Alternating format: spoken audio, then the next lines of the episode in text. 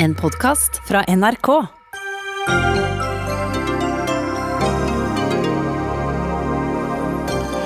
Ut med én app og inn med en annen. Smittesporingsappen vi brukte 40 millioner kroner på velges nå bort. I stedet skal vi bruke teknologi fra Facebook og Google. Arbeiderpartiet vil endre den såkalte mobbeparagrafen for å sikre lærernes rettigheter. Det er skummelt, mener Elevorganisasjonen, som frykter at det nå blir lettere å avfeie elever som føler seg krenket. Har vi et generasjonsran når det gjelder fremtidens pensjonister? AUF, Unge Høyre og Pensjonistforbundet møtes til debatt. Og Forbrukerrådet vil ha slutt på tre for to-tilbud i matbutikkene for å redusere matsvinn. Det har vi ingen planer om, svarer Coop.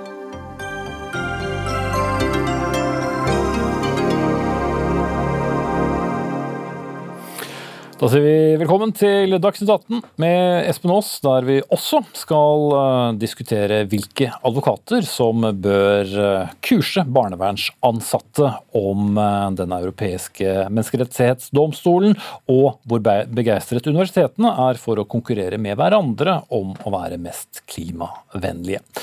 Men først app til besvær. I går ble det altså kjent at eh, regjeringen gir Folkehelseinstituttet i oppdrag å skaffe en ny smittesporingsapp basert på Apple og Googles rammeverk. Hittil har det kostet opp mot 40 eh, millioner kroner å utvikle Smittestopp-appen, kom det frem på pressekonferansen i går. Men appen som ble lansert i april, den skal nå skrotes. Og Lise Lyngsnes Randeberg, president i Tekna, den største fagforeningen i Akademikerne. Dere er forundret over at det tok så lang tid å komme frem til nettopp dette. Hvorfor? Altså du kan si, vi, vi, skjønner jo at det var en eh, stressa og vanskelig inngang i denne prosessen. Vi hadde jo litt eh, panikk alle sammen i mars-april. Og På det tidspunktet så ble det jo gjort en del valg som eh, fikk store konsekvenser for hvordan det gikk med utviklinga av denne appen. Du kan si Våre eksperter vi organiserer nesten 15 000 IT-folk. De har jo fulgt prosessen og har vært opptatt av appen. Og du kan si Det har jo kommet kommentarer, faglig baserte kommentarer på utviklingsprosessen, på de valgene som er gjort underveis. Og så er blir litt opptatt av den tidslinja. fordi at Apple og Google kom jo på banen på et tidspunkt, og da stoppa det litt opp hos oss. Sånn at uh, vi er jo litt forundra over at man først nå har kommet til den erkjennelsen at uh, det, er grensesnittet og den uh, retningen man skal gå videre med. Mm. Etterpåklokskap er jo en eh, svært eksakt uh, vitenskap, uh, som kjent. Men du mener altså at vi kunne hatt en bedre app på plass tidligere? Altså det, det våre eksperter sier. Tekna har jo medlemmer på absolutt alle sider av denne saken. her, så Jeg vil jo absolutt anerkjenne den jobben som er gjort både hos, uh, hos utviklerne og hos Folkehelseinstituttet. Men uh, det har jo vært ganske mange som har lyst til å hjelpe deg, og som har kommet med gode innspill, som har kommet med faglige råd underveis. Og vi tenker jo kanskje at Hvis man har tatt seg litt bedre tid i starten av denne utviklingsfasen og ikke kjørt seg inn i litt feil spor, så kunne man ha hatt en god app på plass mm. mer, eh, altså på et tidligere tidspunkt. Tiden går. Eh, hva blir viktig nå fremover når det gjelder eh, den neste appen? Altså Nå er det jo beslutta at man skal ta i bruk Apple og Google. og Da tenker jeg vi lærer litt mens vi går der òg. Det er jo også et relativt eh, nytt grensesnitt, det. Det er litt mer uttesta. Men nå må vi lytte og se hva andre land har gjort. Vi trenger jo ikke å finne opp kruttet på nytt hver gang. Sånn at eh, Lytt til erfaringene der ute. Noen land sier at de har apper som faktisk fungerer. F.eks. Irland. Andre land som Tyskland og Danmark er akkurat i den fasen hvor de driver og prøver å finne ut om appene deres funker. Og Da tenker vi at det er lurt å lytte til de erfaringene de har gjort seg når vi skal gå i gang med et nytt utviklingsløp i Norge. Og så mm. lytte til fagkompetansen. Det er alltid lurt. Helseminister Bent Høie fra Høyre, var dere litt for opptatt av å være tidlig ute med en smittesporapp? Ja, Norge ønsket å være tidlig ute, og så kunne vi selvfølgelig ha gjort som en del andre land, latt være å forsøke å være tidlig ute og vente og se om andre tok denne jobben. og Da eh, hadde vi vært i en situasjon der vi sannsynligvis kunne tatt i bruk den løsningen som vi tar i bruk nå. Men Vi ønsket jo å være tidlig ute og satse på det, og det gikk jo òg bra, helt til Datatilsynet sa nei til den løsningen. Og den løsningen som nå tas i bruk, vil være en annen løsning som har mindre verdi enn den løsningen som vi opprinnelig ønsket oss. Så det er òg viktig å ha med seg. Det er ikke to, altså det er ikke to like eh, løsninger, dette her. Og det betyr at vi mister en ganske vesentlig del av det vi ønsket å bruke denne appen til, ved at vi ikke kunne gå videre med den løsningen. Og de 40 eh, millionene vi brukte, er de da bortkastet?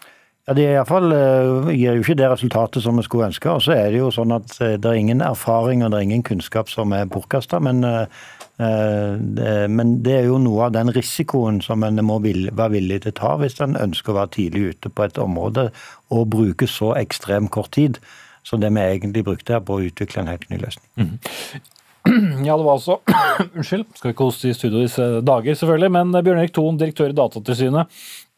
I midten av juni valgte da Folkehelseinstituttet å slette alle data fra denne Smittestopp-appen etter at dere sendte et varsel om forbud. Hva tenker du om eh, det som nå skal tas i bruk i stedet? Er du mer komfortabel nå? Uh, umiddelbart så ser jo den løsningen som ligger på bordet nå, og som vi jo ikke har fått gått veldig grundig inn i. Dette ble jo lansert uh, i går. Uh, men umiddelbart så ser den bedre ut enn den appen som eksisterte fram til juni. Det vi reagerte på i den forrige appen, og det var jo slik at Vi gjorde en meget grundig juridisk vurdering eh, av den appen som ble laget.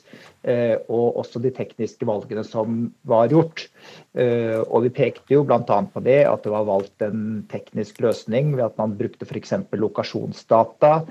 Ved at man ikke kunne velge hvilke formål dataene skulle brukes til. Det var tre formål i den forrige appen. Både sporing av nærkontakter, modellering av smittespredning og forskning. Eh, og alt dette gjorde jo til sammen at vi mente at dette var et for stort inngrep i personvernet. Mm. Ser på det som nå ligger på bordet, så ser jo det som sagt umiddelbart bedre ut. For det er ikke noen sentral lagring. Det er ikke noen lokasjon. Og Folkehelseinstituttet har jo også, etter hva vi kan se, fulgt Stortingets vedtak. For Stortinget var jo enig med oss i at man ikke burde ha flere formål, men kun ett formål. Og så har ikke vi analysert denne saken ferdig, selvfølgelig, men umiddelbart som sagt, så ser dette ut som en atskillig bedre løsning enn den vi fikk presentert på vårparten. Mm. Og Gunn Pegge Knutsen, assisterende direktør i Folkehelseinstituttet. Dere sier at dere nå ønsker å få tydeligere råd fra, fra Datatilsynet. Er det for å unngå flere forsinkelser? Vi ønsker jo å fortsette den dialogen vi har hatt hele tiden. Og, ja, vi ønsker tydelig rådgivning fra Datatilsynet. Eh, i forkant eh, av en, en ny uh, løsning. Mm. Uh, jeg vet ikke om det er Høie eller jeg som er best til å svare på det, men hva er det vi ikke får nå med denne appen som vi hadde fått hvis vi hadde fortsatt med den gamle? Ja, det var jo nettopp det som direktøren i Datatilsynet inne på. Vi får jo ikke analysedelen og forskningsdelen. og Det betyr at F.eks. den situasjonen som vi nå er i Oslo, der hadde vi hatt veldig god nytte av eh, å ha mer kunnskap om eh, smittespredningen, eh, om etterlevelsen av de tiltakene som vi innfører, dermed hatt mer kunnskap om hvordan tiltakene virker. Og den type kunnskap som vi ønsket fra den appen, det er enda viktigere i den situasjonen som vi står i nå, der vi er avhengig av å ha gode, tilpassa lokale tiltak for å hindre å få store nasjonale bølger, men å mm. kunne slå ned spitten effektivt lokalt. Så, eh, men det er spilt melk. Den kunnskapen kommer vi ikke til å få. og Det betyr at vi kommer til å være mindre forberedt òg neste gang vi får en pandemi. og Det er synd. Eh, for vi skulle gjerne ønske den kunnskapen, for det hadde vært ikke nyttig bare nå, men òg i en framtidig pandemi. Mm. Men for dere så, så veide andre hensyn da tyngre, Ton? Eh, jeg har lyst til å bare kommentere et, par av de tingene. for det, altså, det, det, var ikke våre manglende råd til Folkehelseinstituttet eller til Helse- og omsorgsdepartementet som gjorde at dette gikk galt sist. Eh, det var valg som de gjorde på egen hånd, både når det gjaldt teknologi, eh, når det gjaldt det rettslige grunnlaget. Så det er kun de som må svare på hvorfor dette gikk galt. Vi kontrollerte løsningen, og vi fant i, at denne ikke var i overensstemmelse med, med regelverket. Og når det gjelder det at man ikke kan bruke det til andre formål enn til smittesporing og nærkontakter, som man, det, unnskyld, som han velger nå, så er jo det også et valg eh, som departementet gjør. Det er ikke vi som gjør det valget. Eh, vi har hele tiden sagt, og det sa jeg i Dagsnytt 18 også den dagen eh, denne appen ble eh, lansert, eller at det skulle lages en app, at det er viktig og riktig å ta i bruk moderne teknologi for å stanse eh, pandemien og for å redde liv. Og Ja. Det er fortsatt vårt standpunkt. Så det kan godt hende at det går an å bruke også smittesporing eller apper til andre formål enn kun det å spore nærkontakter. Men da må man altså gjøre helt andre vurderinger enn det vi eh, så sist. Okay. Eh, men det er det fullt mulig for departementet og Folkehelseinstituttet å forsøke på. Mm. Høie og så Knutsen. Eh, Ja, det har vi gjort forsøk på, men eh, Datatilsynet mente jo at dette var ikke et forholdsmessig tiltak. eh, Og da er det vanskelig å tilfredsstille de kravene som her stilles. Men det er for så vidt en tilbakelagt Ja, Vi bør vel aller helst se fremover nå, og, Ja. og, og hva er det vi som- får av data? Det som er, det som, nei, nå får vi ikke noe data, men det vi får, det er at hver enkelt av oss får et bedre verktøy til å kunne bli varsla og varsle raskere hvis vi har vært i nærheten av noen som er smitta. Og det er positivt, og det er viktig. Eh, Og det tror jeg jo at den enkelte av oss er mest opptatt av. Så derfor eh, har jeg både håp og tro at mange vil ta i bruk denne løsningen. Eh, Og det vil være viktig i seg sjøl. Og Derfor så har vi jo valgt å gå videre med den løsningen. Men så er det jo riktig òg, som lederen i NITO sier, at dette er jo òg en ny tek Tekna. Tekna, mener beklager. Eh, eh, ny teknologi som, som vi ser òg i landene som tar den i bruk, har utfordringer. og Det må vi òg være forberedt på her, som, eh, som Randeberg helt riktig sier. Veien blir litt til mens en går. Eh, Og det er klart Når du er først ute på den veien, så er den litt mer kronglete enn når du går litt etter andre som har gått foran deg. Mm. Ja, Randeberg, eh, stadig med oss, skulle egentlig FHI ordet nå, men bare spørre deg, er du, er du enig i at vi mister eh, viktige ting på veien? Spørsmålet er hva er det som er viktigst. Og Smittesporing er jo hovedhensikten med den appen. Og um, her er det jo ulike faglige syn. og um, Vi skal jo også ha litt sånn respekt for teknologi. tenker jeg. Det er jo ikke uh, sikkert at teknologien kunne ha løst alt det her heller. Det vet vi jo ikke. Vi har for begrensa erfaring med smitteapper. Eh, Vi i Tekna syns det er fornuftig å holde seg til ett formål i gangen. Og Det som er interessant, er jo å diskutere hvordan var risikoanalysen og um, diskusjonene av konsekvensene av det her. Um, Vi, i utgangspunktet, altså Hvis det var litt eh, hastverk og litt nødrett, hva var det som egentlig skjedde når hastverket var over? Det er kanskje det mest interessante spørsmålet å stille nå. Det blir det mye eh, bakoverskuing. Jeg vil at vi skal skue litt fremover også, Knutsen. Vi var jo veldig opptatt av hvor mange som måtte laste ned den forrige appen for at vi skulle ha et godt eh, datagrunnlag. Hvor viktig er det nå? Da snakket vi om i hvert fall halvparten av de over 16 måtte installere den. Er det like viktig nå? Jeg kan godt svare på det, men jeg vil si litt om eh, Gå litt tilbake for å bare understøtte at for oss er også historikken her veldig viktig. Eh, Og vi må, vi må tilbake til 12. mars eh, og den eh, krisesituasjonen eh, vi sto i da, eh, som vil forklare de valgene eh, vi tok. Eh, Når det gjelder eh, spørsmålet som eh, jo eh, mange er interessert i, hvor mange må laste ned, så er mitt svar at eh, jo flere, jo bedre. Men det er ikke noe minimum? Her eh, er det ikke noe minimum. eh, Og det, jeg vil også understreke, som det er sagt her av ministeren, at det, er en lavere nytteverdi av denne. Det er en nytteverdi for, tror vi, for den enkelte, i det at man får en høyere trygghet og sikkerhet på at man kan bli varsla i enkelte situasjoner. Og så er det da også andre land som har tatt i bruk den samme teknologien, så det er flere til i hvert fall å dele erfaringen eh, på eh, den. Da må jeg si takk til eh, dere fire. Gunn Peggy Knutsen, assisterende direktør i Folkehelseinstituttet, helseminister Bent Høie fra Høyre, Lise Lyngsnes Randeberg, president i Tekna, og Bjørn Erik Thon, direktør i Datatilsynet.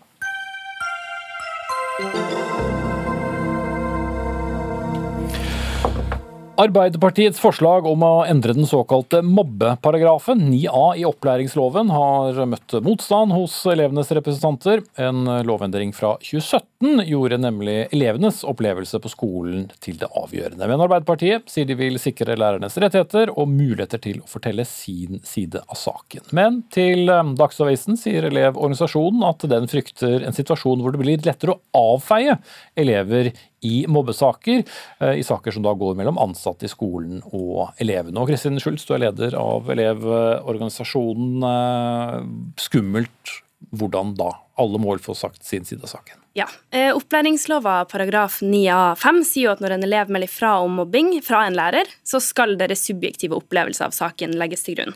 Og Det handler jo om at eh, elevene sin sak ikke skal kunne bli avfeid. Eh, og Dette handler ikke kun om at vi vil ha en nulltoleranse for mobbing i skolen, men fordi at vi vil ha en nulltoleranse for å bagatellisere elevene sine opplevelser. Når man har dette asymmetriske maktforholdet mellom lærere og elevene som vi har i dag, så er det viktig at loven anerkjenner dette forholdet, og så må vi også anerkjenne at det er vanskeligere for elevene å eh, bli tatt seriøst. Og det har vi et lovverk som tar vare på i dag. Så når Arbeiderpartiet sier at dette svekker svekker rettssikkerheten til lærerne, så blir vi egentlig litt forvirra. For alt det de ber om, det er jo allerede ivaretatt i arbeidsmiljøloven og i forvaltningsloven, som fortsatt gjelder selv om man er i skolen. Så det eneste de kan endre på for å gjøre det mer behagelig for lærerne, det er å gå vekk fra elevene sin subjektive oppfatning, og at det skal ligge til grunn. Mm. Så når Arbeiderpartiet nå leker rundt med rettssikkerheten vår, så får vi egentlig bare et inntrykk av at de vil kaste oss litt under bussen for i et uh, håp om å kapre til seg lærervelgere. Uh, og det syns vi er skummelt. Da, Torstein Tvedt Solberg, skolepolitisk statsperson fra, for Arbeiderpartiet. Eh, det var, det var, sterke ord fra Elevorganisasjonen, men skjønner du at de frykter for elevenes eh, rettssikkerhet i skolen? Jeg skjønner at Elevorganisasjonen er opptatt av eh, ny A, og at den skal si, beholder den mobbeparagrafen. Det er en veldig bra lov. Og Det vi vil er jo å gjøre en god lov eh, bedre, og jeg syns elevene bør tåle å dele litt på den loven. For nå har vi fått på plass elevene sine rettigheter, men erfaringene viser at dette har svekka lærerne sine rettigheter. Og Det er det vi er opptatt av å ta på alvor. Det er ikke vi som sier det, men når eh, seks av ti lærere svarer på undersøkelser som er gjort i forbindelse med evaluering av denne, eh, denne loven, så, så, sier de at de føler at sin rettssikkerhet er, er svekka, og at deres historie ikke blir hørt. Så da må vi jo klare å gjøre to ting på en gang. Både ta med oss de positive tingene, de positive erfaringene med den loven, men ikke minst også samtidig å klare å Men Den er jo veldig ung. Har dere grunnlag nok allerede nå på å si at den ikke fungerer? Ja, Det er allerede gjort noen undersøkelser, det er allerede gjort evalueringer. Og det er nå et pågående arbeid med å gjennomgå opplæringsloven gjennom opplæringslovutvalget. Og det er i forbindelse med det arbeidet vi mener det, dette her må, må tydeliggjøres. Mm, Schultz. Ja, Læreren sin rettssikkerhet er jo allerede ivaretatt i dagens lovverk. Når en skolemiljøsak opprettes, så har lærerne allerede arbeidsmiljøloven og de har forvaltningsloven, som gir dem bl.a. den kontradiksjonsretten som Arbeiderpartiet har kjempa veldig mye for. Altså en mulighet til å forsvare si side av saken i mobbesaken. Men kjernen i problemet her det ligger jo ikke i lovverket, men det ligger i håndteringa av lovverket, og at skolene er for dårlige til å gjøre det. Og Hvis det blir et vedvarende problem at skolen er for dårlig til å håndtere lovverket ja, hvordan må da? Jo... Altså, har de ikke sluppet lærerne godt nok til, er det det du mener? Nei, jeg mener at skolen ikke har forstått hvordan sammenhengen mellom lovverket er. De har ikke forstått jussen. Enkelte er overbevist om at opplæringsloven trumfer alle andre lovverk, men det er jo ikke tilfellet. Når man skal gjøre et enkeltvedtak i en skolemiljøsak, så skal man også forholde seg til forvaltningsloven og de reglene som er der. og Derfor er også lærerne sin rettssikkerhet ivaretatt i denne saken. Det vi da må gjøre, det er å heller få på plass rundskriv og veiledere som kan hjelpe skolene til å bedre forstå hvordan lovverkene fungerer. Og da må vi ikke bare, altså vi må ta tak i håndteringa. Det er lettere å sikre en god håndtering av lovverket som sikrer at alle parter er ivaretatt, enn det å endre på lovverket for å få til det samme. Mm. Eh, jeg skal bare ta inn en tredje person, nemlig Steffen eh, Handal, leder Utdanningsforbundet. Du er med oss på, på linje fra, fra bilen din, eh, tror jeg jeg. Dere er altså positive, det ser ikke sånn ut, for å si det sånn, eh, men i hvert fall med oss. Eh, eh, for å klare litt opp i dette, altså hvordan har lærerne da opplevd det siden denne endringen i 2017? Vi har sett helt klare eksempler på at lærernes rettssikkerhet har vært truet etter at denne loven ble innført. Men det betyr jo ikke at lovens intensjon var dårlig. Tvert imot så var den god, og vi støttet også den intensjonen. Men jeg tror Arbeiderpartiets intensjon også er god her, og de vil ivareta lærernes rettssikkerhet. Det er veldig viktig. Og Jeg vil advare litt mot å se på dette som nullsumstenkning, nemlig at eh, den enes rettssikkerhet betyr at den andres skal svekkes. Jeg tror vi er nødt til å ivareta både elevene og lærernes rettssikkerhet. Og Jeg tror heller ikke elevene er tjent med at lærerne opplever at deres rettssikkerhet er truet. Det vil føre til en utrygghet som kan smitte inn i elevenes skolemiljø. Og Derfor er vi nødt til å rydde opp i dette. Både UDIR og våre egne undersøkelser tyder på at regelverket har ført til uheldig praktisering. Og Det kan godt hende at Kristin Schultz har rett i at vi, vi trenger kanskje ikke å endre loven. Kanskje er det forskriften som må endres. Men det som er helt sikkert, det er at praksis må endres. Vi ikke ha en rettstilstand i skolen der hvor lærernes og elevenes rettssikkerhet er truet. Mm. Ja, Solberg, Dere må jo da nettopp gjøre denne balanseøvelsen som, mm. som Handal uh, viser til, men, men hvordan skal dere gjøre det? Det er to grep som vi eh, foreslår. Det ene er å endre forskriften. Det vil bety at du kan få en rask endring, sikre lærerne kontradiksjon. Og det andre er jo det litt mer langsiktige arbeidet med å endre loven. Da må du gå inn i lovteksten, se på forarbeidene. For det jeg er opptatt av er at eh, det er gode intensjoner bak denne, denne loven. Det er en bra lov. Den kan gjøres bedre ved å sikre en tydeligere balanse. Men sier jo Schultz at det kan beholde lovverket og, og, og, at det handler om håndteringen. Er du uenig i det? Ja, Da ser en jo helt vekk fra de tilbakemeldingene som lærerne nå gir, og en kanskje liksom ensidig helt bare avfeier de. Når seks av ti lærere sier at de føler sin rettssikkerhet svekka, så er det alvorlig. Og I tillegg så har jo det noen helt konkrete konsekvenser. At lærerne sier de er utrygge, at de ikke tør å gå inn i situasjoner, for de er redd for at dette skal bli brukt mot dem. Veldig mange som opplever at saker eskalerer før de blir hørt. Og Det er det som er viktig at vi nå på en måte får på plass, sånn at en får, et, eh, får gode spilleregler for dette og gir lærerne de nødvendige verktøyene som de trenger for å gjøre sin jobb. Ok, Schultz, og så har Handal rukket opp hånda. Vi mener jo som sagt at det fortsatt ligger i håndteringa av lovverket, og at det er dermed skolen som ikke er flink nok på å informere lærerne om hvordan ting fungerer, og ikke lovverket i seg sjøl som er problemet. Men det å åpne for endringer i paragraf 9 av 5, som er det disse ønsker, når vi ser hvor mange lærerorganisasjoner og lokallag i bl.a. Utdanningsforbundet som er negative til at elevene sin subjektive oppfattelse av situasjonen skal legges til grunn, så syns vi at dette kan åpne for et litt skummelt handlingsrom, hvor det ligger eh, til å legges til rette for at våre rettssikkerhetsprinsipper men, men kan, skades. altså, Foreløpig så vet du jo ikke eller dere? Nei, men det som er problemet i denne saken, er jo risikoen. Vi har et lovverk som fungerer. Vi vet at håndteringa av det er ikke perfekt. Da må vi finne ut hvordan vi kan sikre at den håndteringa blir bra. Det Arbeiderpartiet gjør her, det er at de starter og tar tak i problemet i feil ende. De ser på lovverket som problemet og må finne ut hvordan vi skal endre det, men løsninga ligger jo ikke der. Løsninga ligger nede i skolen om at lærerne og skoleledere og kommunene må ha bedre dialog med hverandre, eh, og så må vi finne ut hvordan vi kan håndtere det. Mm. Hvis vi nå f.eks. For forskrift forskriftsfeste denne kontradiksjonsretten uten at det sies noe om f.eks. når den skal brukes, så kan vi ende opp i en situasjon hvor elevene sine rettigheter brytes, fordi det blir lettere å avfeie elever når de kommer med sakene okay. sine. Uh, Handal.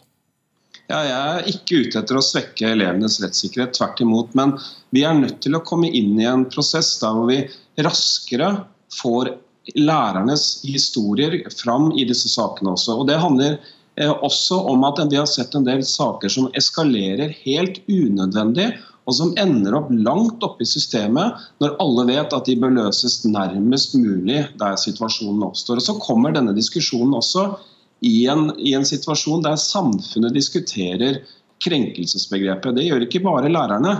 Og Det er derfor dette er veldig viktig, at eh, alle parter blir hørt i dette. Og at jeg er helt enig med Kristin Schulz, elevens subjektive oppfatning har ikke hatt nødvendig kraft i disse sakene. Men den kan ikke gå på bekostning av lærernes rettssikkerhet. Det vil svekke skolemiljøet totalt sett. Og være selvfølgelig svært uheldig for lærerne. Mm. Vi skal runde nå, men, men Solberg, mange vil jo raskt tenke at den svakeste part i enhver konflikt vil jo alltid være eleven? Ja, men Her må det være en bedre balanse. og En gjorde jo et kvantesprang når en fikk på plass 9A. Den vil jeg ikke ta vekk. Det at en har fått på plass en sånn eh, mobbeparagraf er veldig viktig, men vi må få til å rette opp i den ubalansen som nå ligger der. og Det blir for enkelt å si at dette bare handler om håndtering. Det handler om lovverket og det handler om de rettighetene som ligger der. Så jeg må rett og slett, jeg skulle egentlig ønske at elevene også er litt rause og tør å dele denne paragrafen litt med, eh, med lærerne, sånn at en kan eh, sikre alles rettigheter i disse sakene. Foreløpig er det et eh, forslag, og så har vi i hvert fall tatt eh, første steg av debatten her. Så setter jeg strek nå. Takk til Kristin Schultz, leder i Elevorganisasjonen, Steffen Handal, leder av Utdanningsforbundet, og Torstein Tvedt Solberg, stortingsrepresentant fra Arbeiderpartiet.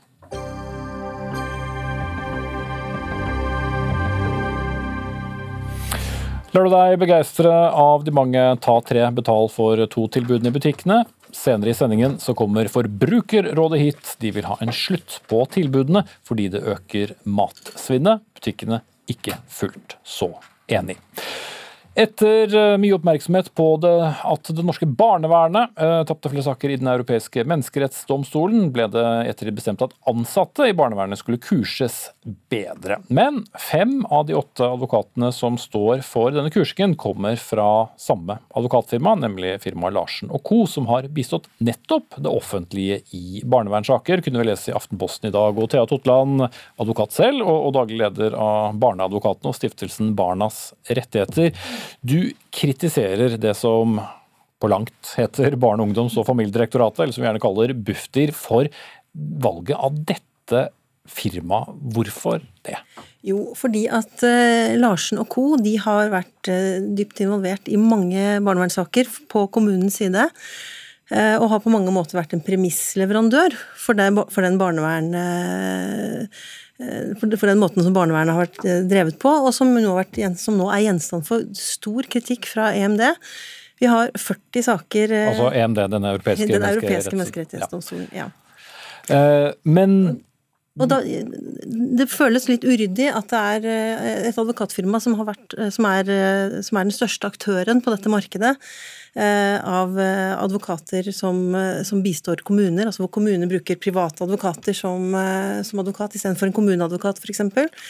Da er Larsen Co. den største aktøren.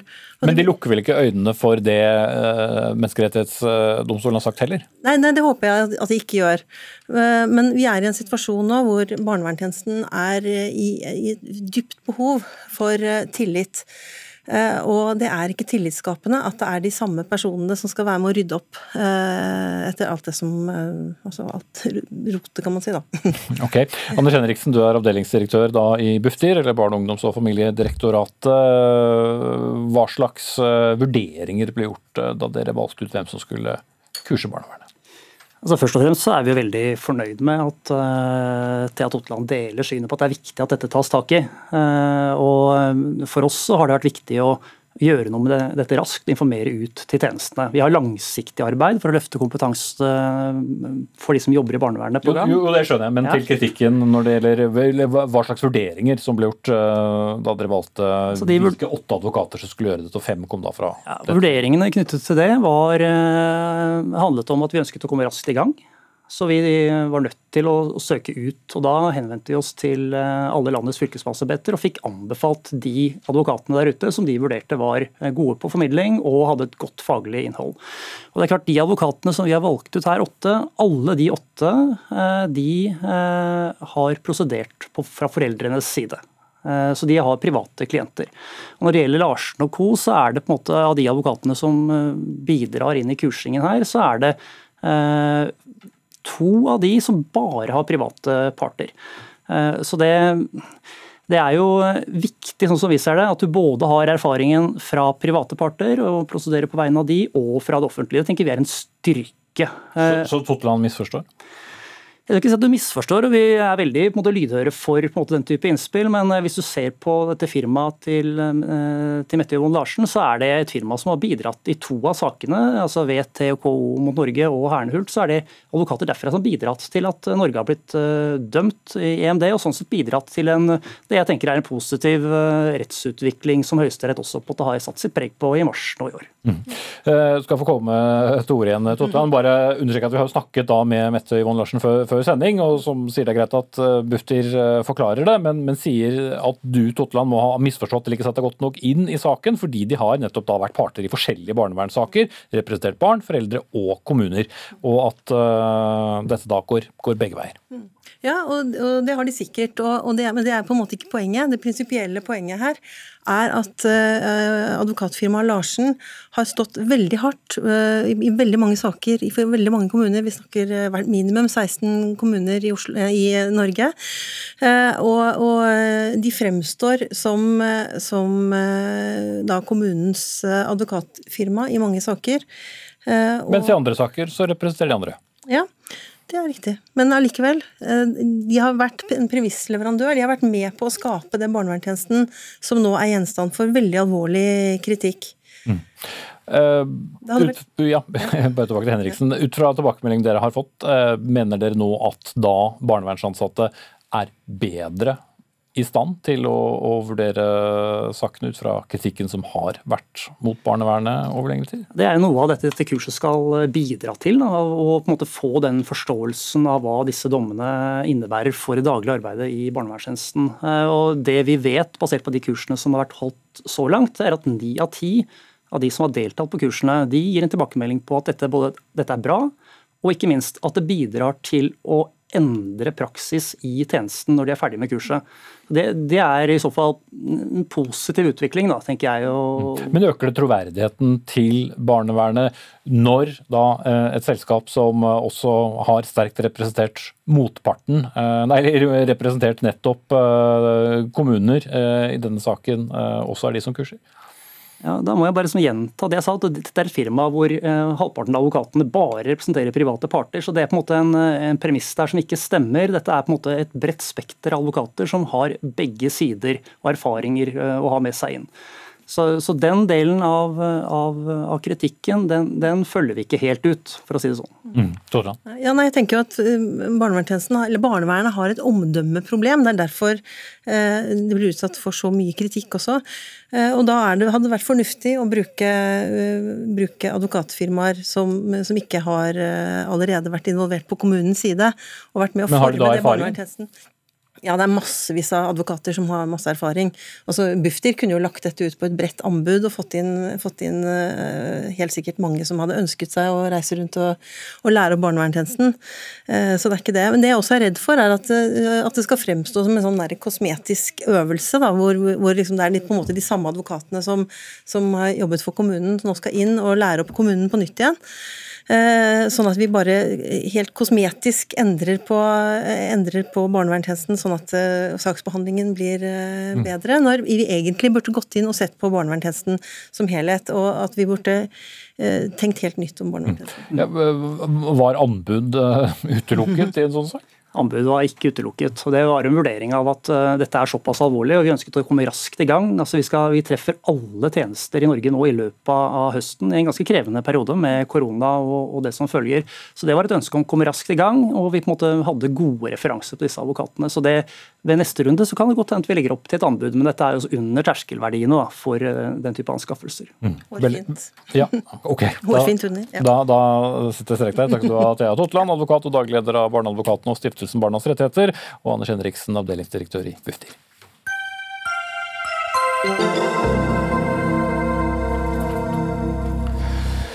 Debatten i kjølvannet av årets eh, trygdeoppgjør har ikke stilnet, eh, nesten en måned etter at pensjonistene viste sin misnøye med resultatet. Blant annet har nestlederen i Unge Høyre kalt det et generasjonsran, mens eh, Pensjonistforbundet som kjent nektet å skrive under resultatet. Og Arbeiderpartiets ungdomsorganisasjon AUF har ja, hvert fall delvis uh, trådt til og støttet uh, pensjonistene, selv om også de mener at uh, ungdommer, er som, ungdommer i dag vil komme dårligst ut som pensjonister senere. Så noe generasjonsran er det likevel ikke, Astrid Villa Eide Hoem, nestleder i AF, slik Unge Høyre har kalt det.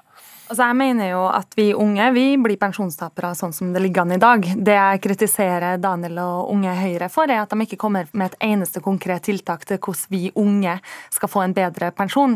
Tvert imot så skal Unge Høyre i helga vedta et program der de har forslag på forslag på forslag på kutt i pensjon eh, som kommer til å ramme også oss unge. Og vi, da sier jeg helt tydelig, vi ønsker å innføre to ting. Det første er pensjon fra første krone. Det andre er en forbedra levealdersjustering. Fordi det vi... Uansett hvor kort du jobber, da bare for å forklare det med pensjon fra første krone. altså Uansett hva slags type stilling du har, så skal du tjene deg opp pensjonspoeng. Ja, det er vi unge som jobber deltid, det er vi unge som bytter jobb etter tolv måneder. Det er vi unge som ofte tjener under 100 000 kroner, og da ikke får tjent opp pensjon. Det er urettferdig. Det samme på levealdersjusteringa, for det slår ikke bare urettferdig ut mellom generasjonene, er poenget. Det slår også urettferdig ut mellom internt i generasjonen. Altså de som jobber på kontor i dag, de kan helt fint stå ut med levealdersjustering, mens de som jobber skift, de som jobber de tøffeste fysiske yrkene, det er de som blir straffa aller hardest, og ikke får nyte godt av den pensjonstilværelsen. Ja, for levealdersjustering betyr altså jo lenger du står i jobb, eh, jo mer vil lønne seg i, det i betyr at uh, hvert eneste år fra nå av så kommer vi til å stå lenger i pensjon. Jeg kommer til å måtte stå ett år cirka lenger enn Daniel, for jeg er ett år yngre enn han, og sånn fortsetter det. Og det skiller ikke på hvilket yrke du har, eller hvor lang levealder det forventer av den jobben du gjør. 2065 tror jeg rent ut at uh, du blir pensjonist. Det er et stykke igjen. Daniel Skjevik Aasberg fra Unge Høyre, det var altså din, din harme på, på ytring i, i NRK med ditt tittelen 'Generasjonsranet', som uh, du mener uh, dere unge har grunn til å klage over da. Uh, Men er det finansieringen av dagens pensjonister du egentlig er sint på? Ja, altså, jeg er veldig fornøyd med den pensjonsreformen eh, vi har i dag. fordi pensjonsreformen som vi har, er en generasjonskontrakt mellom de som er pensjonister, de som arbeider i dag, og de som skal bli pensjonister en gang i framtida. Det er en reform som både Høyre og Arbeiderpartiet har stått sammen om. Det er en, eh, en, et bredt forlik som gjør at man ikke endrer pensjonsvilkårene fra år til år, som jeg mener er veldig viktig. Og Jeg syns egentlig både Høyre og Arbeiderpartiet bør være stolt av den reformen vi har klart å få til. Og så er det nå forslag både fra AUF og fra Pensjonistforbundet om å gjøre endringer i den pensjonsreformen som gjør at det ikke lenger er et så godt forlik på tvers av generasjoner, som uh, rokker ved selve fundamentet i pensjonsreformen, som gjør at det kommer til å bli vesentlig mye dyrere for min generasjon, for min og Astrid sin generasjon, uh, når vi skal begynne å ta ut pensjon. Og Det er en løsning som jeg er veldig imot. Så min kronikk var jo først og fremst et stort forsvar for den reformen som Arbeiderpartiet og Høyre har stått sammen om, nemlig pensjonsreformen. Mm. Men du er ikke da enig med, med AUF om at det at det bør gjøres endringer fordi du også vil komme dårligere ut da du en gang i 2065 eller 66 eller hva det blir skal pensjoneres? Ja, så Jeg vet ikke egentlig helt om AUF har catcha poenget. fordi Poenget med kronikken var jo å si at vi kan ikke gjøre, øke, øke pensjonene til pensjonistene nå. Vi kan ikke øke pensjonen til fremtidens generasjoner fordi vi vil ikke ha råd til det. Og Unge Høyres forslag om å finne muligheter for å spare penger, finne muligheter for å faktisk kunne betale for disse pensjonene en gang i fortiden, nei, fremtiden, unnskyld, fremtiden, er en ting som vi må gjøre. Det er en øvelse vi burde starte med allerede nå, for vi vet at vi blir flere eldre. Utgiftene til staten går opp, og inntektene går ned. og Da må vi finne måter å kutte på allerede nå. Altså, jeg mener at det er helt i tråd med pensjonsreformen. for det er En av hovedmålene i pensjonsreformen var å ha en god likestilling og omfordelende profil. Nå ser vi at jobber du i fysisk utsatte yrker, så kan du mest sannsynlig ikke nyte like godt av pensjonen din som dem som jobber på kontor gjør. Det er for ulik forventa levealder etter ulike yrker. Hva vil du justere? Jeg vil justere. Og I tillegg så synes jeg det er litt rart at Daniel liksom skryter såpass mye av pensjonsreformen, men så vil han kutte ytterligere mer. For det Unge Høyre foreslår sitt forslag i, som skal vedtas i helga, så er det at de ønsker å fjerne særaldersgrensa, avskaffe ordninga med avtalefesta pensjon, arbeide for å begrense områdene der avtalefesta pensjon inngår i tariffavtalen, som betyr at de vil blande seg inn i partssamarbeidet der, og fjerne redusert arbeidstid og retten til tilrettelagt arbeid pga. alder. Og det er jo spørsmålet da, Skal alle de her, som i tillegg til at du har levealdersjusteringer i dag, som kommer til å merke det godt på kroppen, kroppen, så skal du kutte og fjerne redusert arbeidstid og retten til tilrettelagt arbeid pga. alder, ja, da pusher du folk inn i uføretrygd og uføretrygdspensjon. Og det er jo ikke noe bedre det for de framtidas penger som vi skal leve av. Tvert imot så er det jo verre. Du bare flytter rundt innenfor ulike stønader. Dette, dette er jo misforståelse. For det første er ikke dette vedtatt, og vi skal diskutere det på landsmøtet. For det andre så er det Jo, men det er jo forslag likevel. Det er, det er forslag likevel, men poenget mitt er at dette er forslag som vi kommer til å, som vi kommer til å diskutere. Og så er det sånn at disse forslagene er jo forslag som vil gjøre det sånn at flere kommer til å stå i jobb. Og det er nettopp det vi trenger. Vi trenger at flere står i jobb. Og det at man fjerner eh, plikten til å gå av hvis man eh, oppfyller eller når en viss alder, det mener jeg er helt legitimt å gjøre. Det finnes mange folk som har masse å bidra med i arbeidslivet, mange seniorer som ønsker å stå lenger i jobb. Selvfølgelig skal ikke de bli tvunget til å gå ut av arbeidslivet bare fordi de blir gamle. De har masse å bidra med. Så mange av disse tingene har jo, handler jo ikke om pensjon i det hele tatt. Og de tingene vi først og fremst snakker om, er jo at man skal beholde pensjonsreformen og kutte der man kan. Fordi eh, i motsetning til AUF så er jo faktisk dette et spørsmål om kostnader. Og hvis man leser AUF sitt partiprogram, så er det altså ingen forslag til innsparinger. De Ok, Jeg skal ta inn en tredjemann som har uh, lydig Du skal få komme til ordet etterpå. Men uh, Jan Davidsen, du er leder av Pensjonistforbundet og fikk jo en del oppmerksomhet fordi du ble uh, veldig provosert av det resultatet som, som kom i år. Vil ikke skrive under på dette fordi dere da mister kjøpekraft år etter år. Når du hører på den generasjonen som da skal gå ut i pensjon da en gang i 2065-66, forstår du at det er en viss bekymring? Egentlig ikke, fordi at, at uh, hvis, når jeg var på den alderen der, så visste jeg heller ikke hvordan pensjonen min eller min alderdom kom til å være. Og tingene har jo endret seg så veldig fort. Men det som er det viktigste med det, er at de er mye mer opptatt av pensjon, som jeg ikke var. For jeg tenkte jo ikke på det den gangen. Så all oppmerksomheten de kan ha rundt betydningen av dette med å få pensjonsoppretning fra første krone f.eks. Det å sørge for at du kan komme deg tidlig i arbeid. Det er jo det som på en måte skiller meg fra de. Jeg begynte i arbeid da jeg var 18 år gammel. Jeg har betalt eh, skatten min, jeg har betalt trygdeavgiften, pensjonsavgiften min. Men dere har ikke kommet så galt ut av det som pensjonister totalt sett? Å nei, for all del. Og det er det som er det gode med det. De fleste pensjonister i Norge har det bra. Altså De fleste har jo det. Men det er klart når du får fem av seks år etter hverandre hvor du under ikke bare regulerer pensjon ned, som pensjonsforliket sier, men du regulerer det faktisk under forutsetningen i pensjonsforliket, nemlig at du skal minst opprettholde kjøpekraften. Det er jo da folk begynner å bli opptrekt. Og så er det positive med det, så de må ta med seg i beregningen. Det er jo det at produktiviteten for en arbeider i 1967 kontra i dag, den er dobbelt så stor, den. Og Hvis du da går videre på det som Sigurd Johnsen og de sa i Pensjonskommisjonen, ligger til grunn 2% vekst i bruttonasjonalproduktet hvert år, så vil du altså om 50 år, da, fra 2011 til 61, så vil det altså være dobbelt så mye penger til rådighet til å kunne fordele. Og Da er det aller viktigste med dette, det er fordelingspolitikken. For om jeg sier at de fleste pensjonister har det bra, ja, så er det mange som ikke har det. Og det er der du kommer inn på dette med forhandlingsrett og en sjanse til å drive fordeling. Men burde vi eh, justere pensjonsforliket? Nei, altså På de områdene som er sagt altså Det ene gjelder jo levealdersjusteringene. fordi at det er klart at Levealdersjusteringen er jo har jo det i seg det problemet at du allerede i dag kan identifisere forskjell i levealder på folk. Og Det kan du gjøre ut ifra utdanning, hvor de bor og sånn. Det er veldig urettferdig. Det andre er jo at levealdersjusteringen tar i seg at hvis du skal leve nå til du er 90 år, hvis du forutsetter at om 60 år vet du nå lever alle 90 år, ja det ville jo vært litt rart om ikke du da kunne jobbe litt lenger, som du sier, for å få det samme. Det er ikke da du får mindre, da får du det samme da. Så Forutsetningen er jo en tanke rundt proporsjonaliteten. og Det siste elementet er at i 2000, da dette begynte, så hadde man ikke et opparbeidet pensjonsfond utland som dekker alle statens forpliktelser i forhold til folketrygden. Så Dermed er det en helt annen situasjon å ta diskusjonen fra. Men, som heller ikke er utømmelig. HM og så Skjeve Aasberg. Altså, Før vi fikk Statens pensjonsfond utland, så var det jo fortsatt forventa at man skulle få 66% i pensjon. Med den levealdersjusteringen vi har i dag, så er det en del unge som kan forvente å få under 50% av pensjon. Og Det er jo det som er urettferdig. og det har jeg egentlig lyst til å si til Unge Høyre, at Når man ser at en del av pensjonsreformen slår såpass urettferdig ut, så må vi sette folk foran systemene, og ikke systemene foran folk. Og Jeg og Daniel vi er helt uenige om hvordan vi skal ha en omfordelingsprofil i samfunnet. Jeg mener jo at det er dumt i 15 milliarder kroner i skattekutt på formuesskatt, sånn som Høyre foreslår i programmet sitt. Jo, da, jo sikkert masse andre ting som ikke har med pensjon å gjøre. ja. Skjevik Holsberg. Ja, fordi her, her, er vi jo, ikke sant, Nå ruller vi ute det. ikke sant? Både AUF og Pensjonistforbundet er enige om at man skal øke pensjonene. fordi Det er jo det man sier når man sier at ok, dette er urettferdig, man skal endre på levealdersjusteringen. Og Jeg skjønner ikke egentlig hvordan det skal fungere i praksis. fordi er det sånn at folk i Oslo... Ja, er det sånn at du er litt enig i at det er en urettferdighet, men du er mest bekymret for at ikke vi klarer å betale for det? Jo, men det, det, urettferdighet altså det er, jo, det, er jo, det er jo sånn at man vet hvert fall når man skal gå av, når man forventer å dø, og når, hvor lenge man forventer å skulle kunne jobbe jobbe.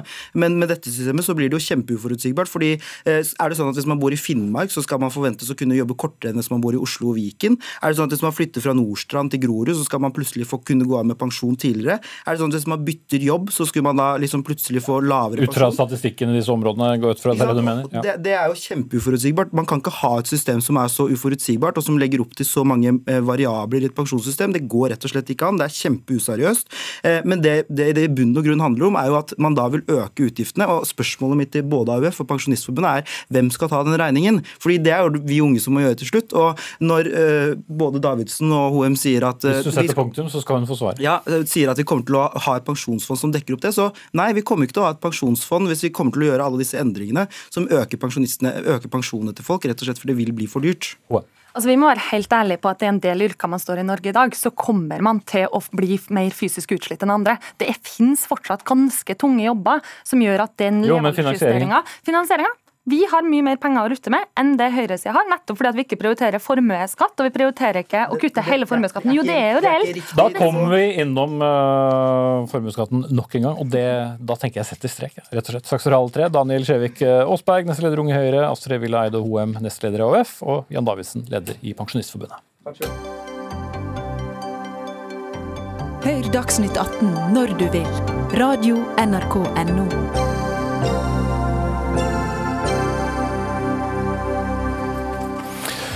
Jeg vet ikke om du har eh, lagt merke til det, men i dag er det FNs internasjonale matsvinndag. Og i den forbindelse så krever Forbrukerrådet at dagligvarekjedene slutter med disse såkalte tre for to-tilbudene på mat. Altså kjøp tre og betal eh, for to, hvis du lurte.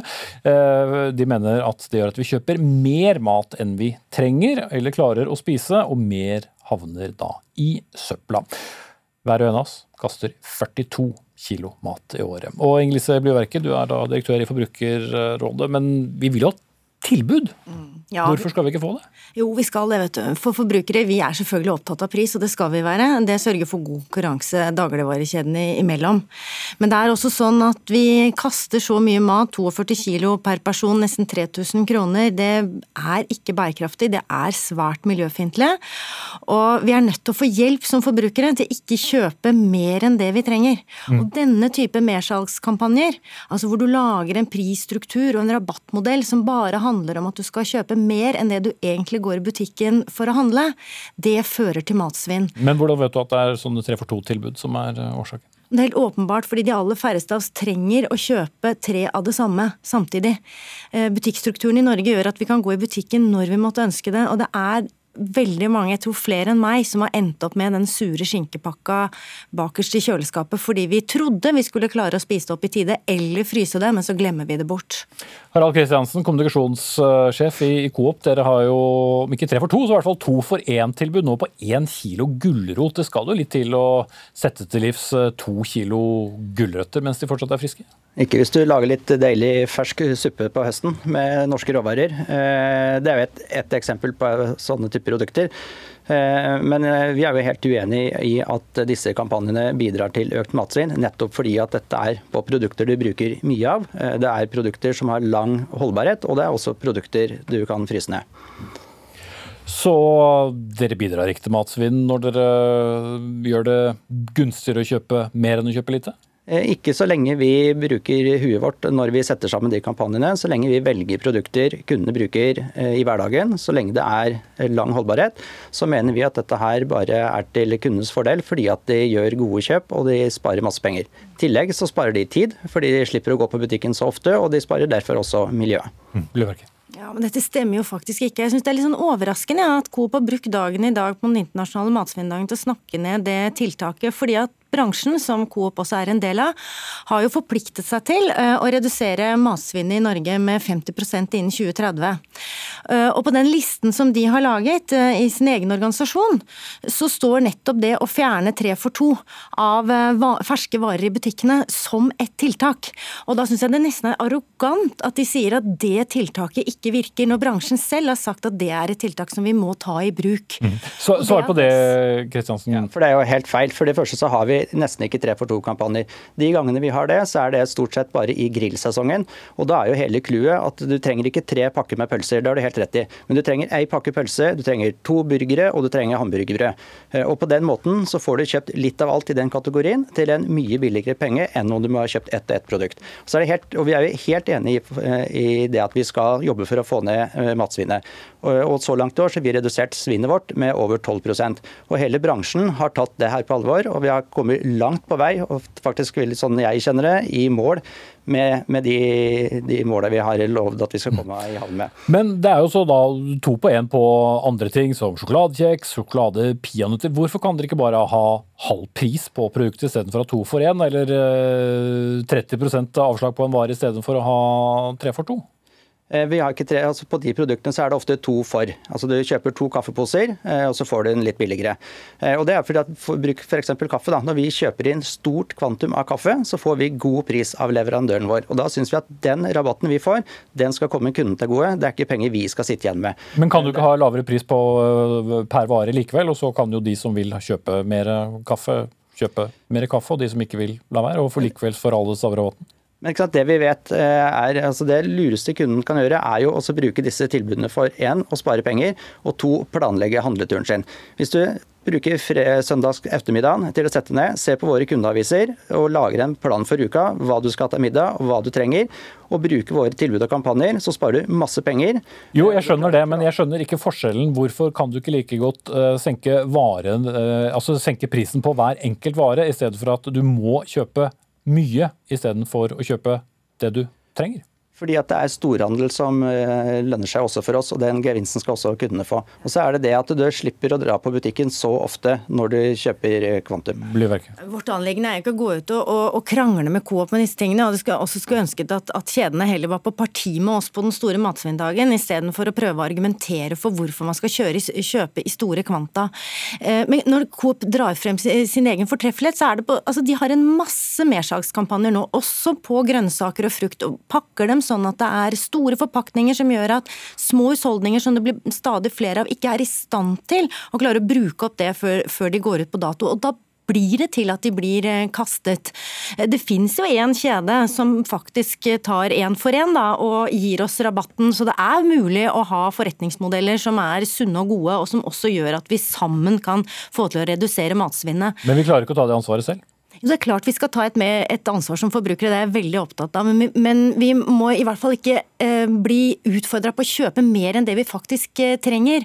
Og vi trenger kanskje å samarbeide enda mer om å få emballasjer som faktisk gjør at uh, skinken ikke, skinkepakken ligger og spriker og, og, og, blir sur av det. Eller at vi bruker for mye emballasje som gjør at vi eh, får for mye plast. Altså, vi trenger å samarbeide om de tiltakene. Uh, og det å redusere mersalg er for meg så helt åpenbart fornuftig dersom vi ønsker å redusere matsvinn. For matsvinn i forbruker, på forbrukersiden handler om at vi kjøper mer enn det vi klarer å spise opp. Men dette her er jo ikke mersalg, dette er produkter du bruker ofte. Kjøper du to poser med spagetti, eh, så har du tre år på å spise dem opp.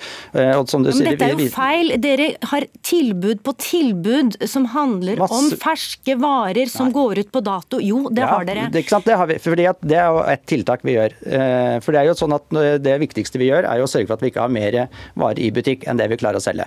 Og Noen ganger så blir det igjen varer som går ut på dato om én eller to dager, og da priser vi den etter 40 for at kundene skal kjøpe det. Og På den måten så har vi redusert uh, også matsvinn. Men Du sikter jo til en kjede som sier at du må bare kjøpe ett ett produkt. Det gjør at du da må oftere innom butikken.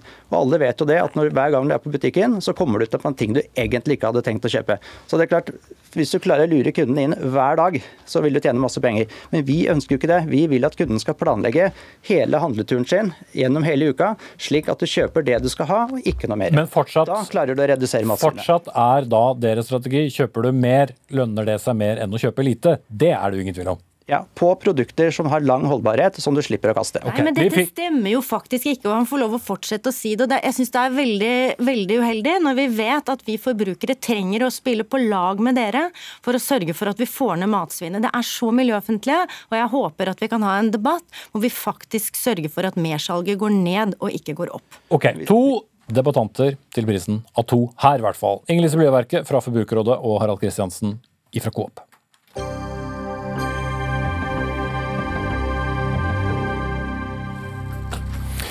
Et eh, forslag om en omfattende rapportering av klimatrykk ved landets universiteter og høyskoler fikk eh, mye motstand. Ifølge nettavisen Krono så var ni av ti studiesteder negative til en eh, klimakonkurranse fra regjeringen.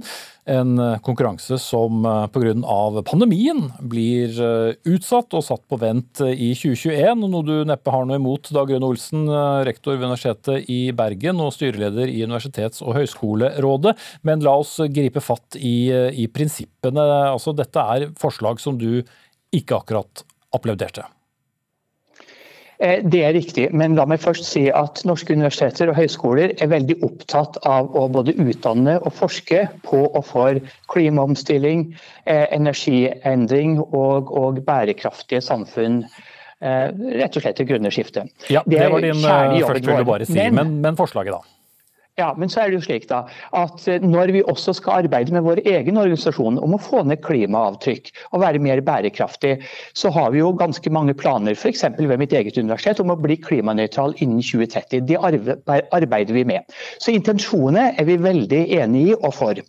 Problemet er at når man får en, et forslag til en indikator, eh, til indikator på 97 som ca. 100, da, indikatorer som vi skal måles og telles og veies på, så flytter vi fokus fra klima- og omstillingsarbeidet og det bærekraftige arbeidet til rapportering. Og Det vi er kritisk til, det er på en måte en byråkratisering og rapportering snarere enn selve klimaarbeidet. Ok. Forsknings- og høyere utdanningsminister Henrik Asheim fra Høyre. Er det riktig tid og bruk av ressurser å finne ut hvor mye hvitt kjøtt de har kjøpt inn, og hvor langt det er til nærmeste busstopp? Nei, i hvert fall så tror jeg den måten eh, som den konkurransen er lagt opp på, med som Olsen helt riktig sier, veldig mange parametere som skal rapporteres på sånn, den satt vi jo på pause da koronapandemien rammet. Fordi, og det måtte vi gjøre på mange ting som vi egentlig ber universitets- og høyskolesektoren rapportere på, fordi de måtte fokusere på det viktigste, å få studentene gjennom. Eh, og så har jo spørsmålet meldt seg nå, hva skjer da i 2021? For dette ble pauset i 2020. Korona kommer jo ikke til å forsvinne i januar 2021. Eh, og Derfor så sier vi også nå at vi kommer ikke til å eh, igangsette igjen denne undersøkelsen eller denne konkurransen da, eh, i januar. Nå jobber vi jo også sammen med universitetene og høyskolene våre om en styringsmelding. altså Hvordan skal vi faktisk styre på en måte som gjør at vi når de målene som vi deler, uten at det blir for mye byråkrati og rapportering. Mm. Høres ut som en langsom måte å avlyse hele den konkurransen på, eller? Nei, altså fordi det som er, som jeg er glad for at Olsen sier, at det er viktig at, at de er opptatt opptatt av å kutte klimagassutslipp. ikke sant? Og Faktum er at Norge skal kutte et sted mellom 50 og 55 av utslippene sine på ti år. Det er så enormt at en sektor som universitets- og høyskolesektoren, som har 300 000 studenter, nesten 50 000 ansatte, svære bygningsmasser, de reiser mye, flyr rundt og sånn, de må også ha en oppmerksomhet på hvordan de kan kutte sine utslipp. Så tror jeg Olsen har rett i, ja, det tror jeg Olsen har rett i at mange institusjoner har allerede. Og da sier vi at denne konkurransen, sånn som den er lagt opp med så stor motstand i sektoren, det er greit, da legger vi den bort nå. Og så diskuterer vi hvordan vi skal styre for å nå de målene. Men jeg kommer ikke til å slutte å følge med på om også de kutter sine CO2-utslipp. Mm, høres ut som du får litt uh, viljen din her, da, Olsen. Men forstår jeg at poenget ditt er at du vil ikke ha uh, en sånn uh, innrapportering. Du mener at dette klarer denne sektoren selv? Ja, I stor grad så evner vi å gjøre dette selv uten i hvert fall et stort, og omfattende rapporteringssystem. Det er det aller viktigste. La oss få lov å konsentrere oss om selve klima omstillingsarbeidet. For så er det jo slik at de fleste, kanskje til og med alle universiteter og høyskoler, de har jo sine egne klimaregnskaper. De avlegger de for styret for å se at de når de målsettingene. Som eh, eh universitetsrektor ved UiB, altså Universitetet i Bergen, så rapporterte vi til vårt styre her om dagen på hvor vi ligger hen i vår bane mot å være klimanøytrale i 2030. Og det gjør de fleste institusjonene. De har et verktøy for det. De har et klimaregnskap, de rapporterer til styrene sine. Og så er jo naturligvis det eh, rapporter som også går inn til departementet. Poenget her er at vi ser ikke oss tjent med, og heller ikke klima og det grønne skiftes tjent med, å legge på et hundretalls nye indikatorer, som f.eks. skal vi måles på avstanden fra nærmeste bussholdeplass til campus. Mm, som, som Andelen av eh, vegetarmåltider som vi serverer, hvor mye hvitt kjøtt kjøper vi inn f.eks. Hvor mange eh, spylingsplasser har vi for syklene våre, og hvor stor, stor andel av sykkelplassene er under tak. I seg selv så er alle disse fornuftige, gode tiltak, men vi må ikke nødvendigvis rapportere på ett og alt. Mm. Her ble det pisk på, på gulrot? ja. Nei, og jeg, altså jeg deler Olsens beskrivelse av dette. og Når vi har hatt, fått tilbakemelding nå hvor ni av ti sier at de er mot denne måten å gjøre det på, ok, da hører vi etter på det, og så tar vi det bort.